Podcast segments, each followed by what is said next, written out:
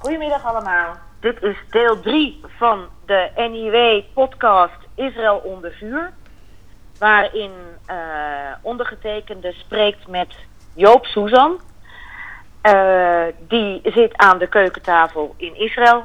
Ik zit aan de keukentafel in Nederland. Uh, er zit wat tussen, maar we hebben het gevoel dat we zo ongeveer tegenover elkaar zitten. En we nemen dag drie door van, van ja, deze enorme crisis. Uh, Joop vertelt wat dingen die gebeuren in Israël. Ik vertel ook wat over de ontwikkelingen hier in Nederland. Uh, dus laten we beginnen, want Joop, je vertelt me dat het op dit moment bij jou uh, eigenlijk verbazingwekkend rustig is, hè? Ja, goedemiddag allemaal. Ja, het is inderdaad. Het, ja, ik heb een beetje het gevoel stilte voor de storm. Misschien uh, laat ik hopen dat ik verkeerd zit. Maar dat gevoel uh, dat iedereen wel kent, een stilte voor de storm. Uh, er wordt wel geschoten. Er worden raketten al sinds urenlang op de steden en gemeenschappen langs de grens met 40 van Gaza afgeschoten. maar voor de rest is het opvallend rustig. Waar dat door komt, weet ik niet. Het zou kunnen door die actie van vannacht van de IDF. Maar uh, waarbij het tunnelcomplex, een belangrijk ja, tunnelcomplex. Laten we, even, uh, laten we, dat even, ja, laten we dat even rustig vertellen. Ja, laat ik dat uh, even vertellen. Want, want, er was op een gegeven moment een fout bericht. Dat werd uh, later gecorrigeerd. Er was een interne communicatiestoornis geweest bij de IDF, zo presenteerden ze dat. Ja. Maar daar komt nu ander nieuws van uit. Kun jij rustig ja. uitleggen, stap voor stap, wat er waarschijnlijk zou zijn gebeurd? Ja, maar dat is dan volgens de Israëlische media, de Hebreeuwse en Engelstalige ja. media. Um, het verhaal zoals het nu net naar buiten is gekomen, en dat is echt een half uur geleden, is dat er bewust een uh, Engelstalige tweet van de IDF naar buiten is gebracht. Waarbij werd gesteld dat uh, uh, de IDF Gaza zou zijn ingetrokken of zou intrekken. Daar deed premier Netanyahu nog een schepje bovenop. Want toen hem gevraagd was, werd gisteravond laat, wat is daarvan waar? Zei hij, nou, we zijn nog niet klaar in Gaza en met Hamas. Dat bericht werd opgepikt door alle buitenlandse persbureaus natuurlijk. Later trok de IDF dat in. Die zeiden het was een foutje van ons. Het is ook in Nederland overgenomen trouwens door RTL Nieuws ja, onder de andere. Volks, ja, de Volkskrant opende en ermee. De Volkskrant opende ermee. Wat nu blijkt is het volgende. Op het moment dat Hamas deze tweet zag, hebben zij eenheden, grote eenheden schijnt het, uh, aanvalseenheden door dat tunnelcomplex uh, naar verplaatst. Laat ik het zo zeggen. Die verplaatst van het centrum van Gaza naar de grensstreek uh, met Israël. Op dat, dat, gaat door middel van tunnels? Dat zijn, dat is een, er is een enorm tunnelcomplex onder heel Gaza om uit het zicht van uh, de IDF te blijven. Dus alle en dat, troepen... ze, dat heeft een naam, hè? Ja, metro heet dat. Metrocomplex. En alle troepenverplaatsingen en wapenverplaatsingen vinden plaats door dat tunnelcomplex. Um, op het moment dus dat de IDF in de gaten kreeg, na een tijdje, dat uh, er verplaatsingen waren begonnen van troepen van uh, Hamas richting de grens met Israël door dat tunnelcomplex. Toen zijn ze gaan bombarderen. En niet een beetje, dat is gebeurd met 160 vliegtuigen en helikopters die lange tijd heen en weer eh, bleven aanvallen. En artillerie en tanks vanaf Israëlisch grondgebied. Dat hele tunnelcomplex in het noorden is totaal uh, weg. Dat bestaat niet meer. Uh, alleen er is niet bekend hoeveel uh, terroristen daarbij om het leven zijn gekomen. Dat kunnen er tientallen dus zijn. mensen daarin zaten. Ja, ja, dat kunnen er tientallen zijn, het kunnen er honderden zijn. Of dat te maken heeft met de stilte die we nu hebben, daar zijn we het nog niet over eens hier in Israël. men zegt nog steeds: blijf op je hoede, want eh, we verwachten nog het een en ander. Ja, want jij vertelde me vanochtend, hè, je zat ook bij de uitzending Goedemorgen Nederland van WNL. Ja. En uh, toen was jij uh, de, het eerste moment dat jij eigenlijk uh, op tv moest, stond jij buiten op de parkeerplaats omdat je snel nog even boodschappen ging halen. Ja, precies. Op het moment dat Goedemorgen Nederland mij belde vanmorgen. Toen, ja, ik denk, zij zouden bellen om half tien mijn tijd. Het was half negen. Ik denk, nou, dan ga ik nog even gauw snel boodschappen doen. Voordat het straks niet meer kan na die uitzending als er raketten komen. En toen belden ze mij en toen stond ik op het, uh, op het plein bij het winkelcentrum. En zo heb ik de uitzending gedaan daar vandaan. ja.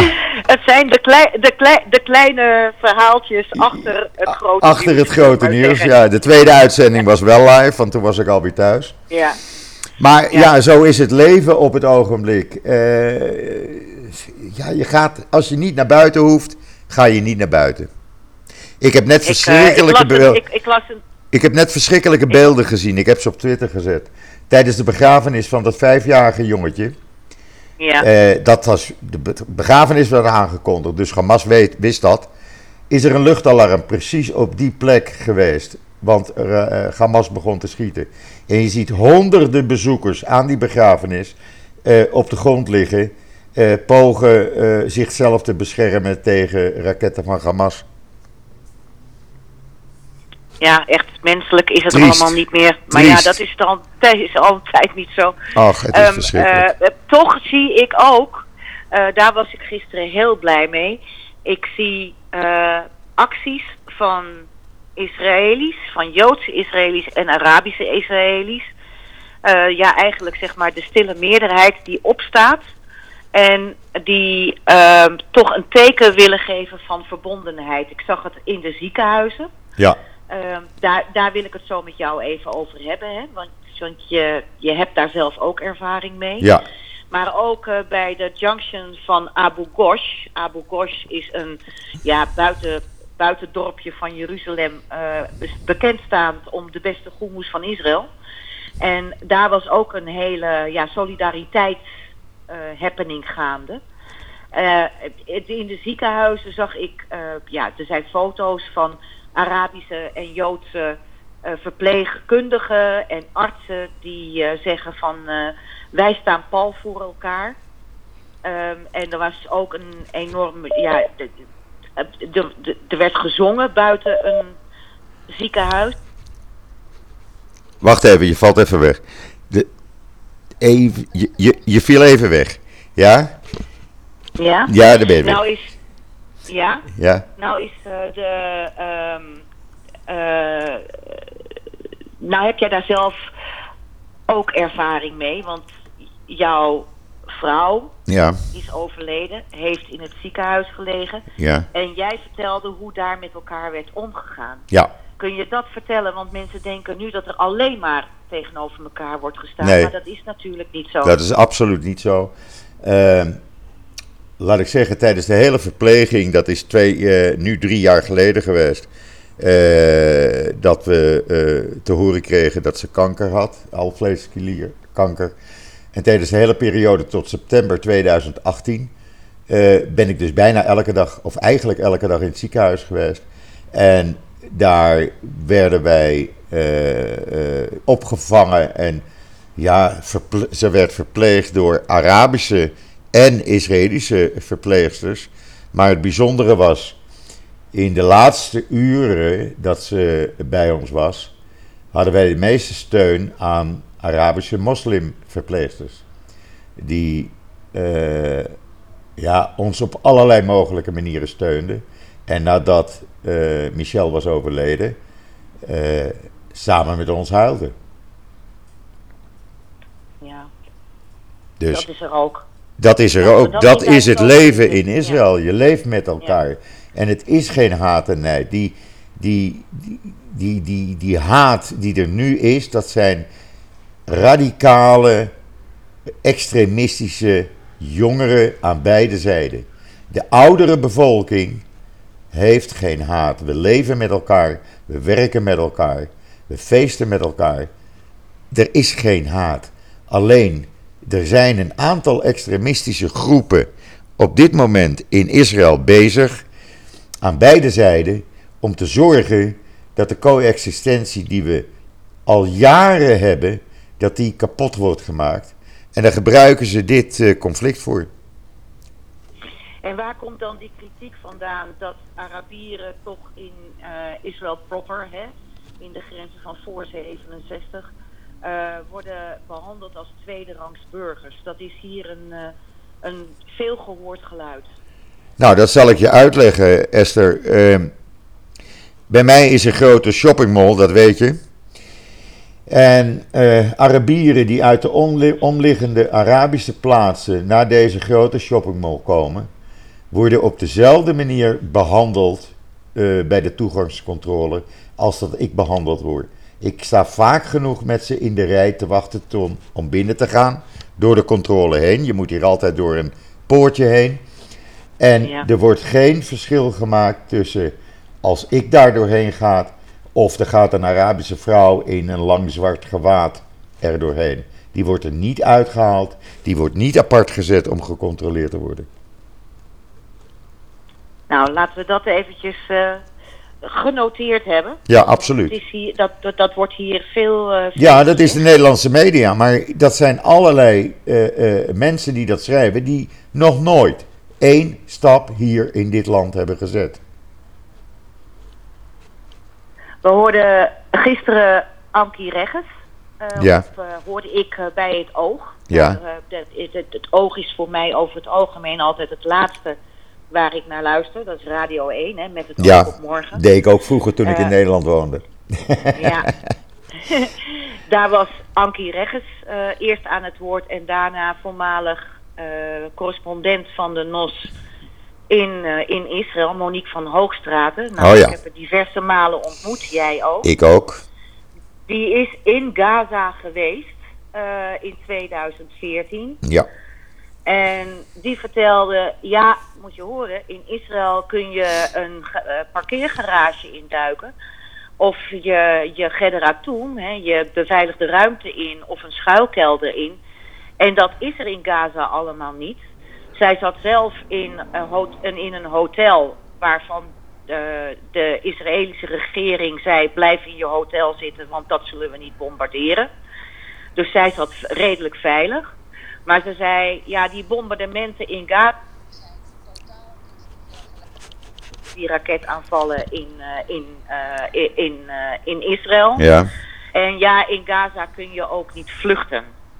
Ja. Ehm, waarop ik meteen afvroeg, ja, waarom is dat? Maar um, ik vind het belangrijker dat jij daar misschien nou, dat is, op Daar heb ik een heel simpel antwoord op, Esther. Als je je eigen bevolking onbelangrijk vindt en gebruikt als menselijk schuld, schild om je eigen terroristische doelen te behalen en het geld wat je uit buitenlandse hulpbronnen krijgt alleen maar gebruikt voor opbouw van een, een soort van uh, militaire terroristische groep en daar niet uh, geld aan besteedt voor je bevolking, ja, dan zijn er geen schuilkelders. Dan is er geen goede scholing. Dan is er gewoon helemaal niks. ze krijgen 100 miljoen dollar, 60 miljoen dollar elke maand van Qatar. Qatar heeft gezorgd dat dat geld rechtstreeks aan iedere inwoner van Gaza wordt uitbetaald. Hamas krijgt dat niet in handen.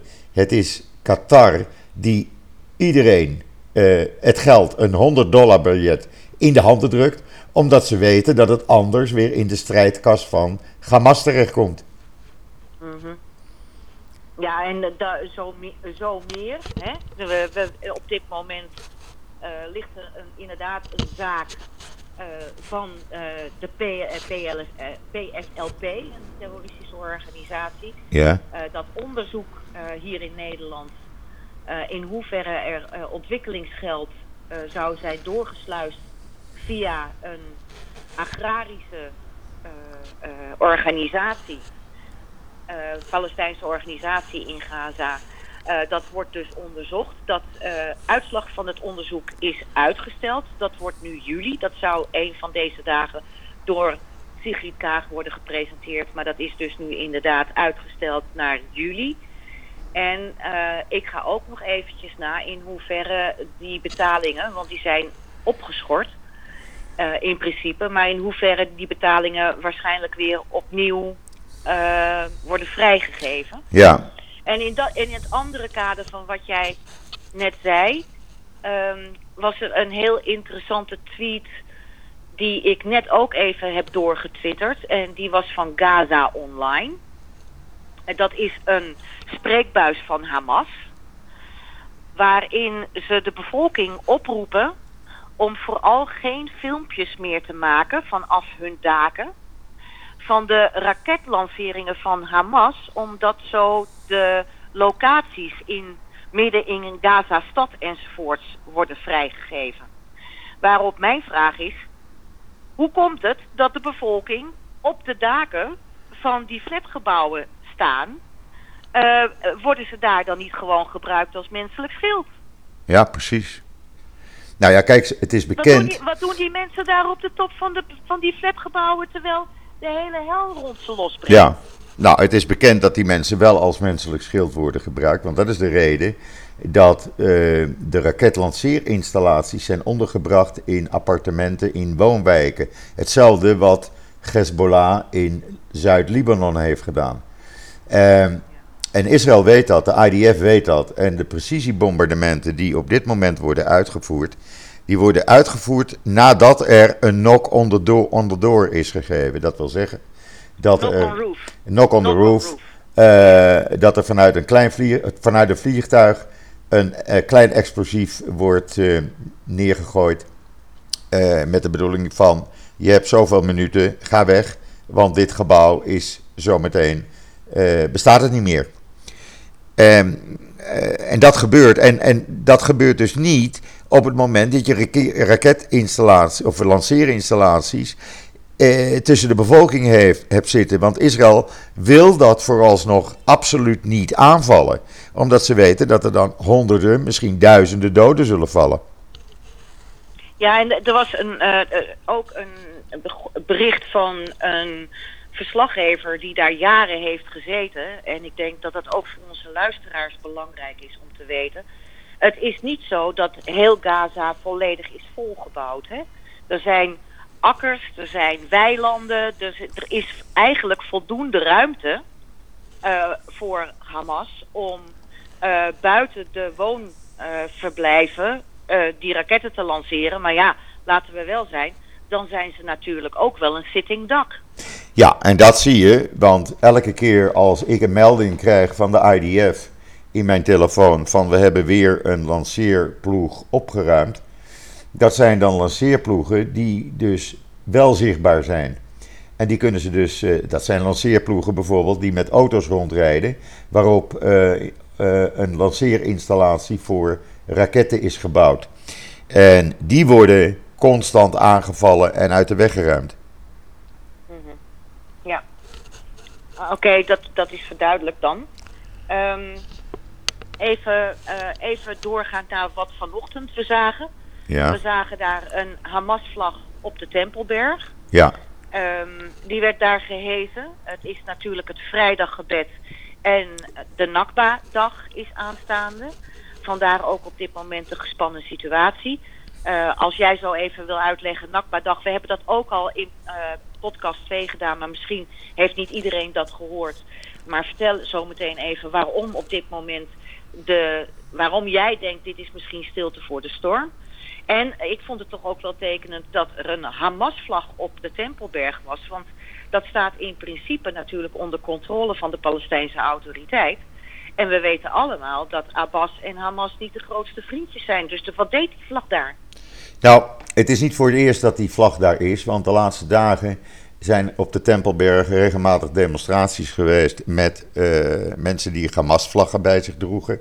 Er werden ook leuzen te een steun voor Hamas uh, geroepen. Bijvoorbeeld gisteren toen er 100.000 mensen aanwezig waren. Uh, laat ik eerst zeggen, meneer Abbas is, heeft niets meer te zeggen op de Westbank. Het is Hamas die daar de dienst uitmaakt. En dat is de belangrijkste reden en, uh, uh, waarop, waarom die verkiezingen zijn uitgesteld. En van uitstel komt afstel, dat weten we allemaal. Het heeft niets te maken met de geplande mogelijke uitzetting van vier gezinnen in Sheikh Jarrah. Het heeft alles te maken met het feit dat Abbas wist dat hij de verkiezingen zou verliezen en Hamas zou winnen. En daardoor heeft hij de verkiezingen uitgesteld. En Hamas is nu de baas op de Westbank. En Hamas deelt daar de lakens uit. Uh, en dat is de situatie. We hebben van meneer Abbas niets gehoord zolang dit conflict al aan de gang is. Uh, morgen is het Nakba Day. Nakba Day is al sinds de oprichting van de staat Israël de dag waarop de uh, Palestijnen, de Arabische bevolking in dit gebied, uh, rouwen om de oprichting van de staat Israël. Dat is een dag die altijd gepaard gaat met rellen in allerlei plaatsen met een grote Arabische bevolking. En de verwachting is dat dat later vanmiddag en vanavond en zeker morgen uh, zal uitmonden in grote rellen. Ze hebben nu uh, duizenden, echt duizenden extra reservisten van de grenspolitie opgeroepen. En, 9000 heb ik begrepen. Ja, 9000. Uh, en die moeten dus zorgen dat, uh, ja, dat het uh, een beetje in de hand kan blijven. Dat, met, dat het niet uit de hand loopt en dat we hier geen moordpartijen gaan krijgen zoals we gisteravond hebben gezien. Ja, en, en de, de, dan was er nog laat op de avond. Hè, we, wij hadden allebei zo al iets van nou, wel te rusten Joop en wel te rusten Esther. Ja. Um, was er een, um, een scare, uh, uh, echt even een beangstigend moment. Omdat de berichten doorkwamen dat er vanuit het noordelijke front, waar Hezbollah natuurlijk de basis, um, raketten op Israël waren afgeschoten. later bleek dat dat niet om Hezbollah ging, die, die zich tot nu toe heel stil houdt. Maar dat hebben we gisteren al besproken. Ja. Um, maar het bleek een splintergroepering te zijn van Hamas. Die iets uitprobeerde. Ze zijn allemaal in zee terechtgekomen, die raketten. Dus daar niet van. Maar het was wel even een scare van... oh jee, zometeen wordt er ook in het noorden een front geopend. Ja. Uh, wat, wat, wat ik positief vond vooral... is dat de Libanese politie die uh, personen in de kraag heeft gevat. Ja, nou, kijk, Libanon weet natuurlijk uh, wat er gaat gebeuren als Israël uh, daadwerkelijk wordt aangevallen vanuit het noorden. Want Israël heeft heel duidelijk diverse keren gezegd, de IDF, de minister van Defensie, andere regeringsleden, als Hezbollah zou proberen om zich in deze strijd, of welke strijd dan ook, te gaan mengen, dan is er maar één oplossing voor de IDF en dat is de verschroeide aarde. Dat betekent. Ja, vol, vol erin. Vol erin en alles wat daar staat in Zuid-Libanon gaat plat. Ja. Ja, dat is dan echt een full-blown war. Hè? Dit is nog een gecontroleerde. Ja, voor zover je dat kunt noemen, een gecontroleerde uh, oorlog, wat men in Gaza doet, maar dan gaat men er vol in. Dan gaat men er vol in en dan, dan maakt het ook niet meer uit of er duizenden mensen ja. doodgaan. Ja, ja, ja. Nou, laten we hopen dat dat niet doorgaat. Ik hoop het van harte. Uh, ik hoop dat het echt oh. rustig blijft. Buikpijn heb je ervan? Buikpijn. Nou, als ik de berichten hoor. Ik had, uh, ik had mijn broer aan de lijn, Salo. En die ja, vandaag. Die, zit in het noorden, hè? Die, die woont in Beta Emek. En die zegt, je wil het niet geloven. Dat is maar helemaal in het noorden van Israël. Dat is in het noorden, noorden van Israël, ten oosten van uh, uh, uh, Naria. Naria. Een paar kilometer van de grens van Libanon. Hij zegt, wij waren eigenlijk afgesloten van de buitenwereld gisteravond, een aantal uren. Want niet alleen hadden ze op de wegen voor, die langs de kibbutz gaan grote rotsblokken neergelegd. Ze hadden ook het belangrijkste kruispunt uh, bij hem in de buurt totaal vernield. Dus er kon geen auto meer voor of achteruit. Het, het is niet alleen in het centrum, het is niet alleen in eh, Jeruzalem. Het is ook in het noorden en, en eh, waar Arabische plaatsen zijn. Want dit, dit, die, die, die, die junction, die, die, die, dat kruispunt, dat was door eh, Arabische Israëli's Totaal vernield. Totaal onklaargemaakt. Totaal. Poeh, Alle verkeerslichten eruit, alle, alle verlichting eruit, rotsblokken, keien, noem maar op. oké. Dat eh, klinkt heel erg burgeroorlogachtig. Nou ja, dat soort berichten hoor je misschien niet in Nederland, maar ja, je hoort het hier wel. En, en dat is, nou laat ik zeggen, ja, scary. Eh, scary in die zin dat je weet dat er hoeft maar iets te gebeuren en de vlam slaat in de, pa- in de pan en we zitten met een, ja, een soort van burgeroorlog tussen twee bevolkingsgroepen. Ja, ja. Ik, ik meld je even wat er hier gebeurd is, ook voor onze luisteraars intussen. Er Ja. zijn ehm, filmpjes vrijgegeven van een demonstratie in Den Haag. Eh, waarbij natuurlijk eh, buiten Palestijnse vlaggen ook de nodige Syrische vlaggen rondliepen. Dat was een demonstratie, daarvoor was goedgekeurd een demonstratie van 30 personen. Eh, mijn bronnen vertellen dat het er zeker 150 waren. Die zijn door Den Haag gaan lopen. Die hebben een Israëlische vlag neergehaald. En eh, ook eh, een Israëlische eh, onder Allahu Akbar gebrul. En ehm, eh, da- daarna zijn ze verder doorgegaan en hebben die Israëlische vlag helemaal uit elkaar Verschrikkelijk. onder, onder de, de, de, de, het scanderen van Filistinim, Filistinim. Oh ja. Eh, ik, eh, ik- een heel goede vriend van mij, een Syrische vriend, Adam Esmail, eh, die, die schaamde zich helemaal dood. Maar wat we dus in 2014 zagen, eh, tijdens anti-Israël demonstraties. Kijk, die Palestijnse vlaggen zijn er altijd geweest. En de Marokkaanse vlaggen ook. Maar in 2014 kwamen daar ineens de Turkse vlaggen bij. Vanwege de houding van Erdogan. Dus je zat ook ineens met veel grotere aantallen demonstranten. En nu zie je dus ook dat, dat, doet- dat daar ook nog een keer de Syrische vlag bij komt. Eh, wat, wat verontrustend is, is dat de politie, die was echt wel opgetrommeld, er opnieuw, net zoals in 2014, toen het misging in Den Haag, hè, en ook Ja. op eh, de, de, de kade daar in Den Haag, eh, dood aan de Joden werd ges- gescandeerd en zo. Opnieuw stond de politie erbij en deed niets. En eh, inmiddels heb ik begrepen dat Dylan, Dylan Jesselkots en eh Julius Elian van de VVD hierover vragen gaan stellen aan de minister. Ja. Dat is heel fijn. Dat gaat ook de VVD in Den Haag doen. Maar je kunt je voorstellen dat ook wij hier in Nederland, als Joden in Nederland, daar toch angst van krijgen. Ja, dat begrijp ik heel goed. Ik Want ik heb ook eh, die posters gezien gisteren die jij rondtwitterde in Amsterdam. Ja. Ja, En en ik krijg, ik krijg net, ik zie net een dat- berichtje verschijnen in mijn scherm, ter, as we speak. Ernst Lishouwer, die zegt: Ik heb voor alle zekerheid het bord Joodse begraafplaats maar even weggehaald van de Joodse begraafplaats in Den Haag, waar hij Den woont. Haag, ja, ja, ja.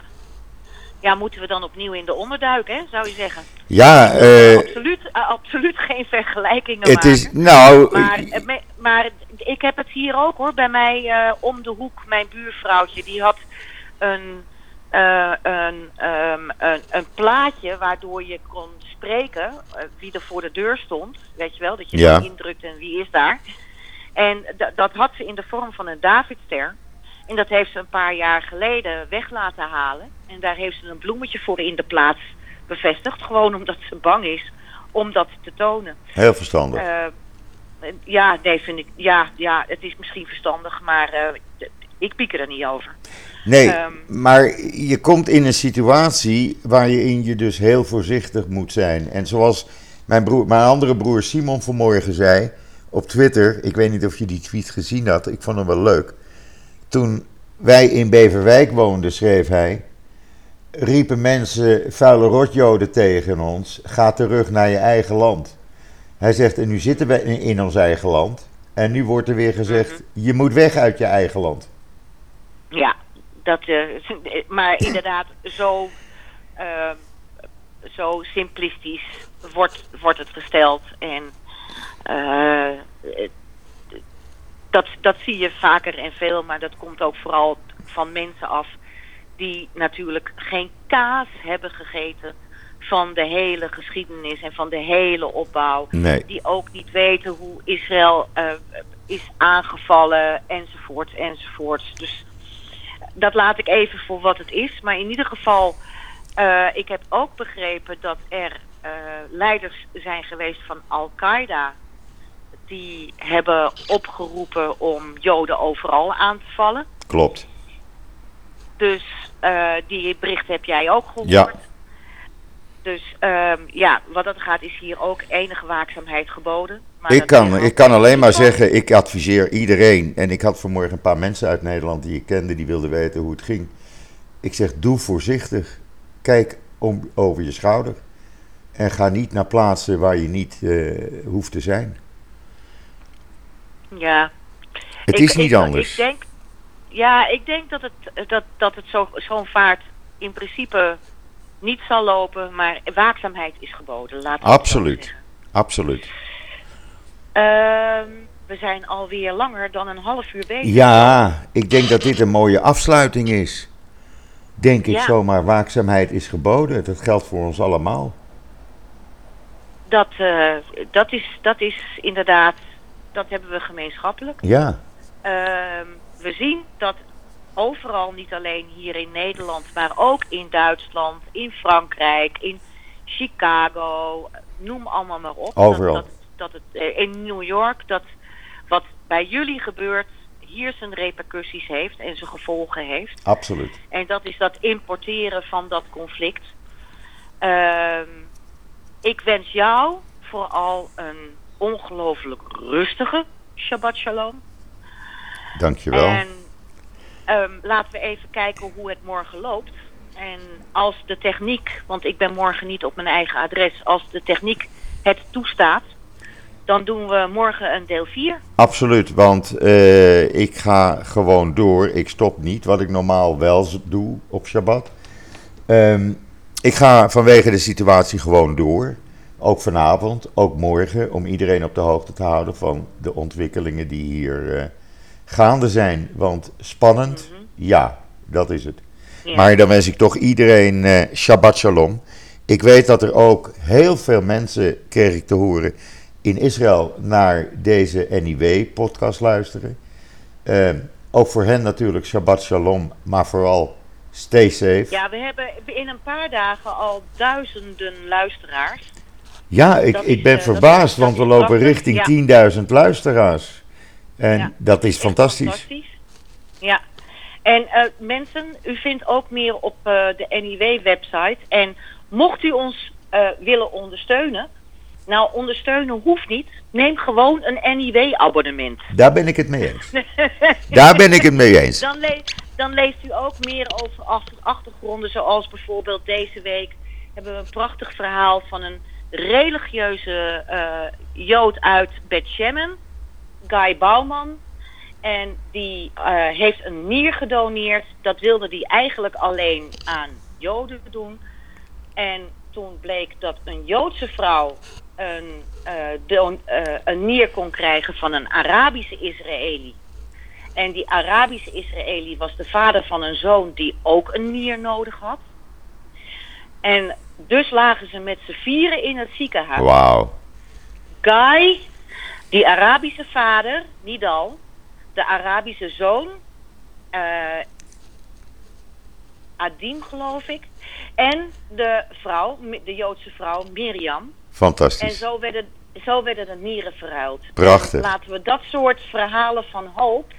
En ze zijn later vrienden geworden. Ze zijn bij elkaar thuis geweest. De foto's staan in het NIW.